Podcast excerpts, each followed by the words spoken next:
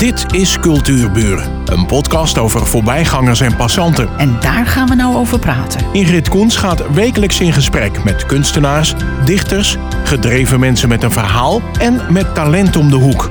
Vandaag gaat ze in gesprek met Pieter de Boer. Ik ga een stukje, ik ga een stukje geschiedenis vertellen, want dat is wel leuk als inleiding. Langendijk was in het verleden een belangrijk tuinbouwgebied. De groenten werden verbouwd op duizenden eilandjes die werden bemest met de bagger uit de sloten. Veel akkers hadden een naam die was afgeleid van hun vorm of ligging. En in dit eilandenrijk lag een akker die wat hoger was als de andere. En deze akker had de naam de Koen. Eind vorige eeuw is begonnen met het experimenteren met het wijn maken. En op de plek waar de Koen lag, is nu de wijngaard aangelegd. Pieter, wie is op het idee gekomen om in Lange Dijk te gaan experimenteren met wijn? Want het is toch best wel een tijd geleden al. Ja, het, het is eigenlijk een, begonnen als hobby. Uh, ik had een, uh, een kastje met uh, een druif daarin, een aantal druiven. Um, en die druiven moest je krenten. En dat krenten, dat is heel veel werk. Dus omdat ik dat gewoon naast mijn werk moest doen, kwam ik daar nooit mee klaar. En dan had je dus wat kisten minder mooie druiven. En daar probeerde ik wijn van te maken. En dat lukte ook wel na een paar jaar. Maar die wijn is niet zo lekker. Want die Frankenthaler druif, zoals die dan in de kas heet, uh, is een consumptiedruif en geen wijndruif. Dus die heeft minder smaak en geur. Dus toen heb ik uh, weer wat wijndruiven geplant en daar weer wijn van gemaakt. En ja, die besmetting werd al erger. Dus ik ging cursussen volgen en ik ging hier en daar eens kijken. En rond die tijd, dus zeg maar rond 2000, kwamen er allemaal nieuwe druivenrassen op de markt. Die speciaal zijn ontwikkeld voor ons klimaat. En ja, want dat was ook een van mijn vragen. Hoe kan je in hemelsnaam hier in deze uh, uh, klimaattoestand druiven kweken?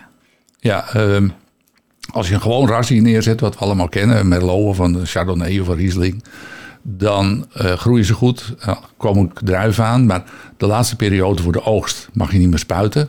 Hè, dan, en dan komt de meeldauw. Meeldauw is een schimmelziekte die niet alleen op druiven komt, maar ook op komkommers en op rozen en op heel veel andere planten. Maar bij druiven is het zeg maar zo uh, ernstig dat met een paar weken al je blad eraf is. Mm. Door die schimmel.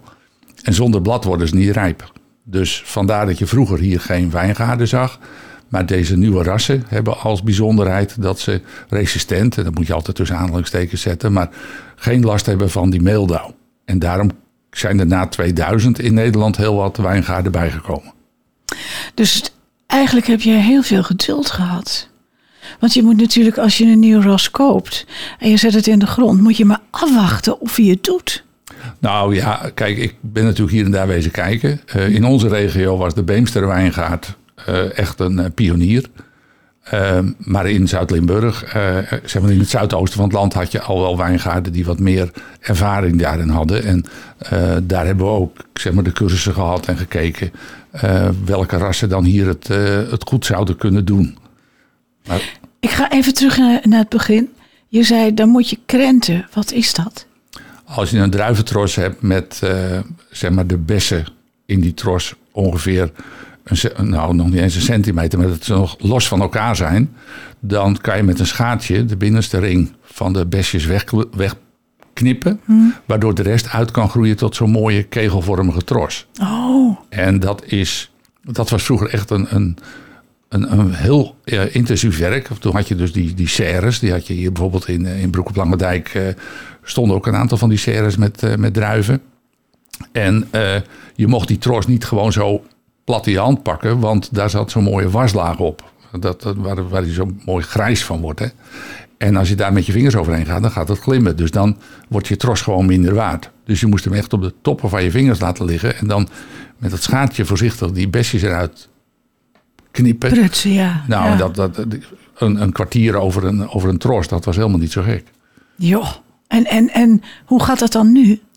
Nou, nu heb je, zeg maar, vanaf die tijd heb je een hele ontwikkeling gehad. Niet alleen in de wijndruiven, maar ook in de consumptiedruiven. De consumptiedruiven uh, hebben nu veel dunnere schilletjes dan vroeger. En ze hebben geen pitten.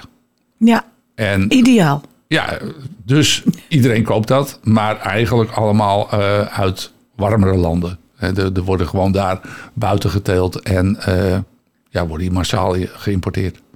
En de gewone, of de, de vroegere druiven, daar, eh, daar is niks meer van over in Nederland. De consumptiedruiven. Ja, ja. Ehm, en wanneer ga je dan serieus nadenken over een wijngaard? Nou ja, goed. eh, ik, heb, ik woon hier eh, schuin tegenover op het tuinbouwbedrijf van mijn vader en moeder. Daar had ik twee hectare grond. Eh, waar we altijd de, de, normale, zeg maar, lange dijker producten teelden. Van, van kool, aardappels en dat soort zaken. Ehm, maar die wijngaard, dat, dat, dat trok wel. En eh, vooral natuurlijk de, de mogelijkheid dat dat hier nu ook in onze regio kan, eh, dat was toch wel een uitdaging. Dus ik ben in 2003 eh, met een klein stukje begonnen. En dat is zo in de loop der jaren uitgegroeid tot de twee hectare die er nu is. En dat is voldoende om een, een echt je, een domein te noemen en eh, eh, professioneel wijn te maken. Ja, dat voldoende om professioneel wijn te maken, eh, niet om professioneel je geld te verdienen. Ja, dat is een groot verschil. Ja, ja. Ja, ik kom alleen druiven, of ik ken alleen druivenvelden die in zonnige gebieden of tegen de bergen staan. Hebben wij genoeg zon voor druiventeelt hier? ja. we hebben meer zon dan, eh laat maar zeggen, in Zuid-Limburg of in, eh, Ach, in, in je Duitsland. niet. Ja. Daar moeten we wat meer eh, reclame mee maken. Zeg maar, rond en helder is de zonnigste plek van Nederland. Oké. Dus dat is geen probleem. Het gaat meer om de temperatuur. Ja, en we hebben natuurlijk ook een nat land. Eh, Het, is hier, het regent hier vaak. Ja, ja. Is dat geen probleem? Dat, dat kan een probleem zijn. Dat is gewoon als het netjes zeg maar, eh, geregeld neerkomt, eh, elke week wat, dan is het prima. Ja, het Maar- moeten niet van die stortbuien Dat is zijn. natuurlijk het probleem. Nee, En we hebben een paar keer in de herfst gehad dat er eh, verschrikkelijk veel regen valt. En dan ja, is het gewoon slecht. Ja. Ja. Gelezen op de website, want jullie hebben een hele mooie website. Dus ik zou dat zeker even aanraden. Een wijndomein de Koen, dan vind je hem ongetwijfeld. Het moment van de oogst hangt af van de hoeveelheid suiker en zuur in het sap. Leg me dat eens uit, Pieter.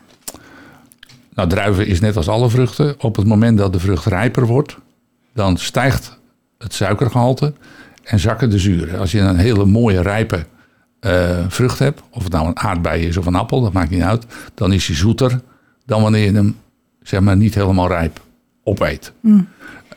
Bij druiven is het van belang, extra van belang, omdat die suiker die wordt omgezet in de alcohol. En je moet dus een, zeg maar, een minimale hoeveelheid suiker hebben om ook aan een mooi zeg maar, eh, percentage alcohol te komen.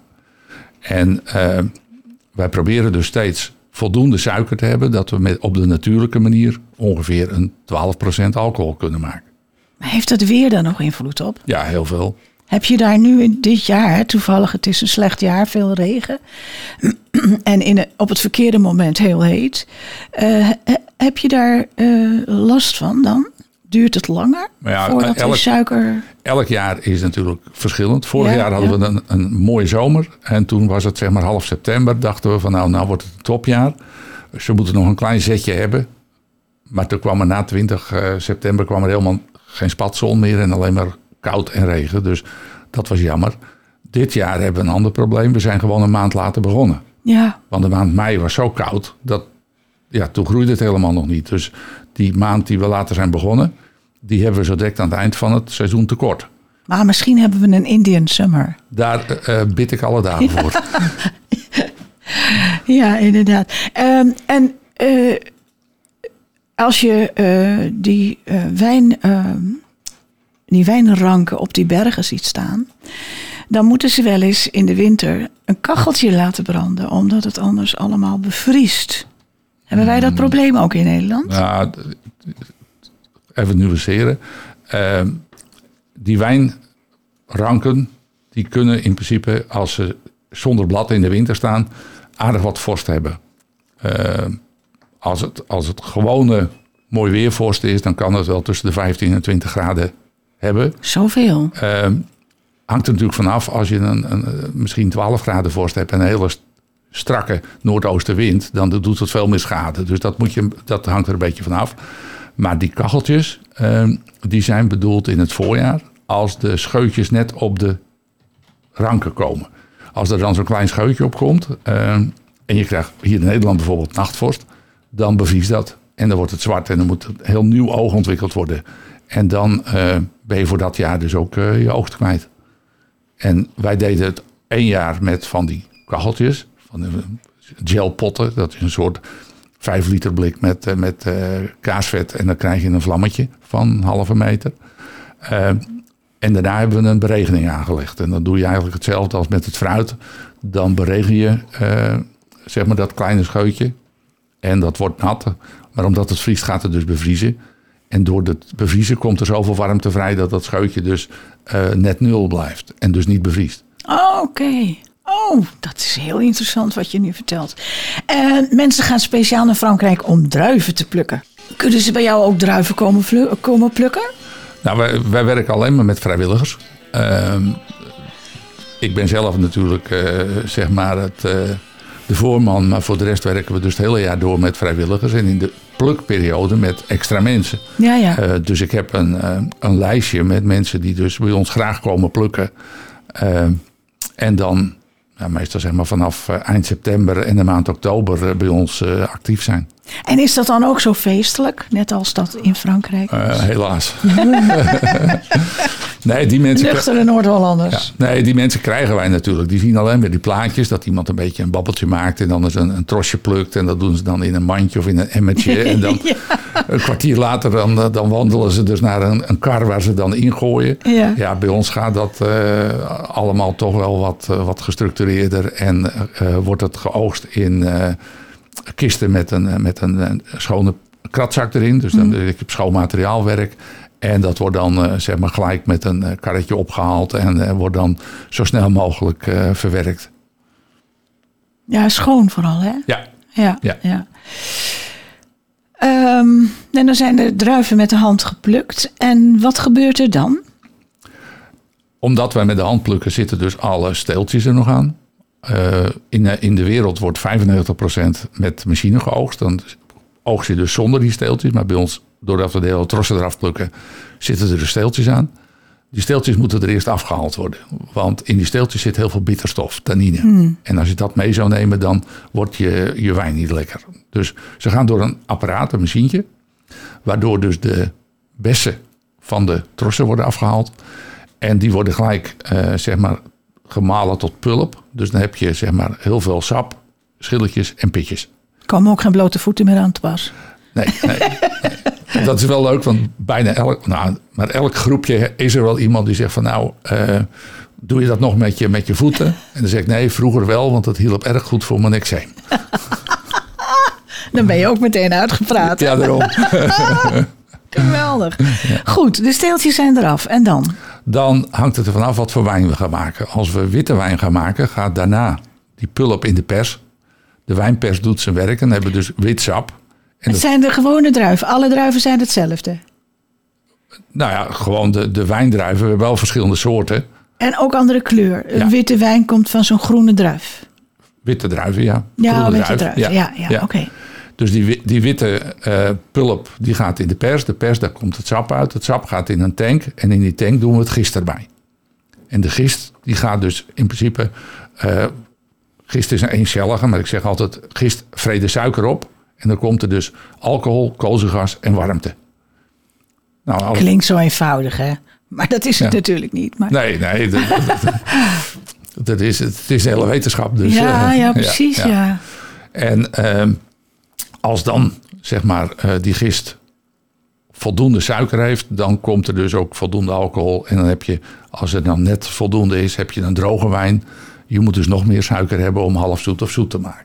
En jullie maken ze alle drie? Alle drie de... Nee, we maken geen zoete wijn. We maken wel dessertwijn.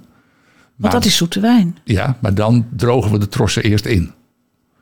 Dus de trossen worden geoogst en die worden dan eerst gedroogd. Waardoor het suikergehalte dus omhoog gaat. En dan, daar oh, maken we dan ja. de dessertwijn van. Ja. Ik heb dat in Griekenland gezien toen ik daar een keer op vakantie was. Dat al die, die, die bakken met die druiven in de zon liggen Ja, te, te ja. drogen.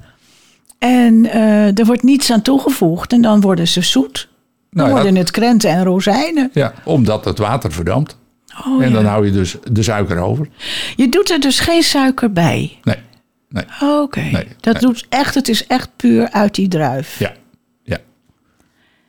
Ehm, en dan de witte wijn kan na ongeveer acht maanden. Dus gaat die dan op het vat? Of Ja, hangt er vanaf wat we maken. We, het- soms is het, eh, als we in oktober oogsten, dan is de ja, maar jonge witte wijn volgend jaar, maart, april, is dat klaar.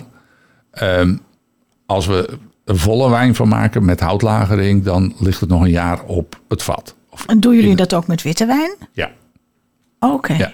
En, En die kan je dan, als je die koopt, nog langer bewaren? Want dat is Ja. natuurlijk het verhaal. Je kan witte wijn niet bewaren. nee, nou ja, die kan je langer bewaren. Die, die blijft wel een jaar of vijf goed. Toch wel? Ja. Terwijl En, en hoe gaat het dan met rood? blauwe druiven, Ja? door dat ontsteelapparaat. En dan gaat die pulp, die gaat niet in de pers, maar die gaat in een, in een vat. En in dat vat gaat de gist erbij. Dat wordt een keer of vier per dag omgezet. En dan na 14 dagen, dan is het dus volop aan het gisten.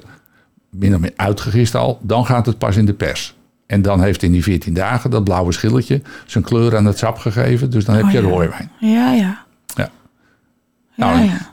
En daarna, dus na het persen, gaat het ook weer in een tank. En dan moet het dus ook eerst rijpen voordat je echt een beetje mooie wijn hebt. Eh, ik had gelezen op de website, ja, ik, weet er zelf niks van, dus ik heb alles bij jullie vandaan gehaald. Acht maanden wordt het, eh, eh, witte wijn kan na acht maanden gebotteld worden en rode wijn na tien maanden. Waarom Mhm. Ja. zit daar verschil in? Omdat die rode wijn vaak nog een tweede gisting doet. waardoor het wat zachter wordt.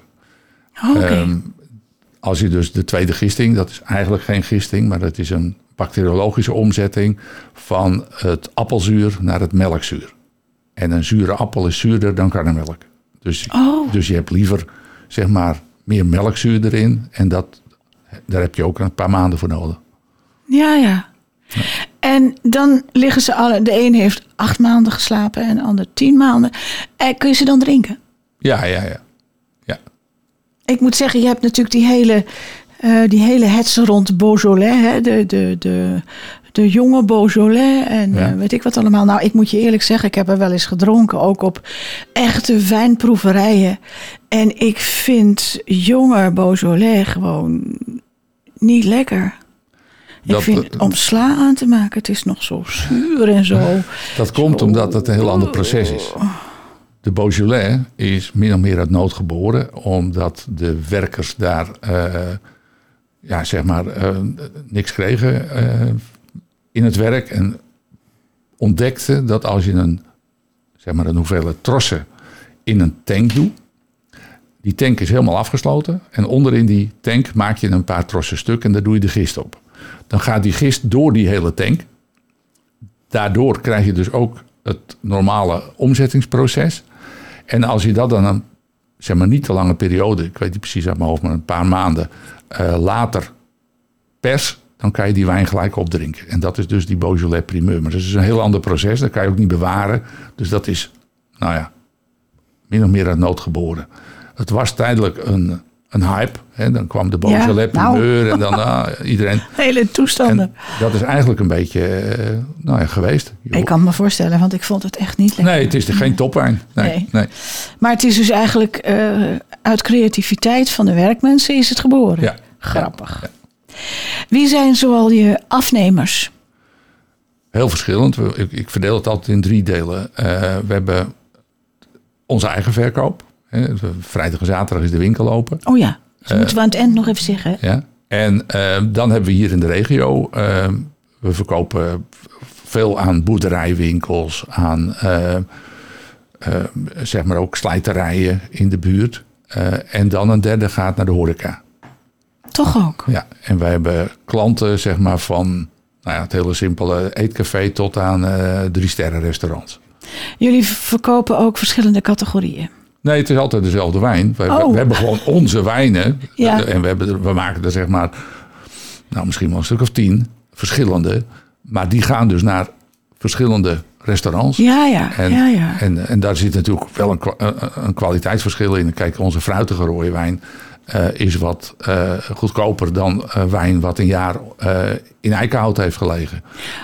Jullie, jullie laten ze ook langer liggen om een beter, betere nadronk te hebben. Nou ja, in, in, Afdronk heet het. in, die, in dat eikenhout worden die tannines verder afgebouwd. Die, die bitterstof. Oh. Dus Dus hij wordt steeds zachter. hij wordt zachter, er komt vanille en al dat soort zaken. Dus als, die, als zo'n zo'n wijn op zo'n vat, in zo'n vat heeft gelegen, wordt hij dus een stuk zachter en beter. Maar hij kan zich ook later op de fles nog verder ontwikkelen. Eh, waardoor die wijnen, zeg maar, ook door ons nog weer een jaar, één of twee op de fles worden bewaard voordat ze worden verkocht. En dan heb je dus een veel mooiere en vollere wijn, die je ook nog makkelijk tien jaar kan bewaren. Oh, dat is mooi. Want ik vind een, een rode wijn altijd zo spannend om te bewaren. Die koop je bijvoorbeeld als er een kind geboren wordt. En dan Ja, laat je ja. hem liggen. En dan eh, kan je hem, jaren later kan je hem... eh. Ehm, dus eh, als ik een lekker flesje wijn wil kopen, welke jaargang zou je me dan adviseren? Want dat heeft ook nog een, speelt ook nog een Ja, rol. ja, ja. ja. ja nou, wij verkopen nu de, de, de volle rode wijn. Die heet bij ons samen van 2018. En Dat was een mooi jaar. Oké. Ja. Ja, want wat gaat 2021 worden? Kan je dat nu wel zeggen? Of kan je dat pas zeggen als hij in de fles zit? Eigenlijk wel, want we, we, we rekenen allemaal nog op die Indian Summer. En dan, Ja. kan, dan kan het nog goed komen. Als we die niet hebben, dan wordt het geen topjaar. Nee. Nee. Ehm, ja, ik, ik, ik neem even de, de, de, de, de eindvraag nu vast. Maar ik wil direct nog even wat anders nog vragen. Heb jij toch tijd voor hobby's? Eh, Want je hebt van je hobby je werk gemaakt, hè? Ja, dat is dus zo. Dus ik, daar heb ik geen tijd voor. Nou, niet. Maar eh, een van mijn hobby's is dat ik eh, op een dag in de week op de kleinkinderen pas. Ah, En, dus dat, dat breekt de week zeker. Ehm, en daarbij zit ik dan nog in het bestuur van de Stichting Toeristische Promotie Lange Dijk. En, en dat soort dingetjes, dat doe ik nog wel. Maar echt een hobby, eh, die kan ik prima in de wijngaard vinden. ja, dat geloof ik. Ja. Mag ik je trouwens nog eens een keer terugvragen voor die toeristische tips van eh Lange Dijk, hè, zei je? Ja, ja. Want nu met dat samengaan van Dijk en Waard, zal er bij jullie toch wel het een en ander veranderen ook.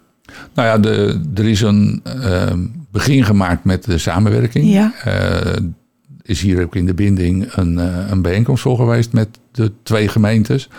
En daar is eigenlijk afgesproken dat dus de Stichting Toeristische Promotie opgaat in een nieuwe organisatie die voor de hele gemeente de toeristische promotie gaat doen. Ja, Pieter de Haan zit daarin, hè?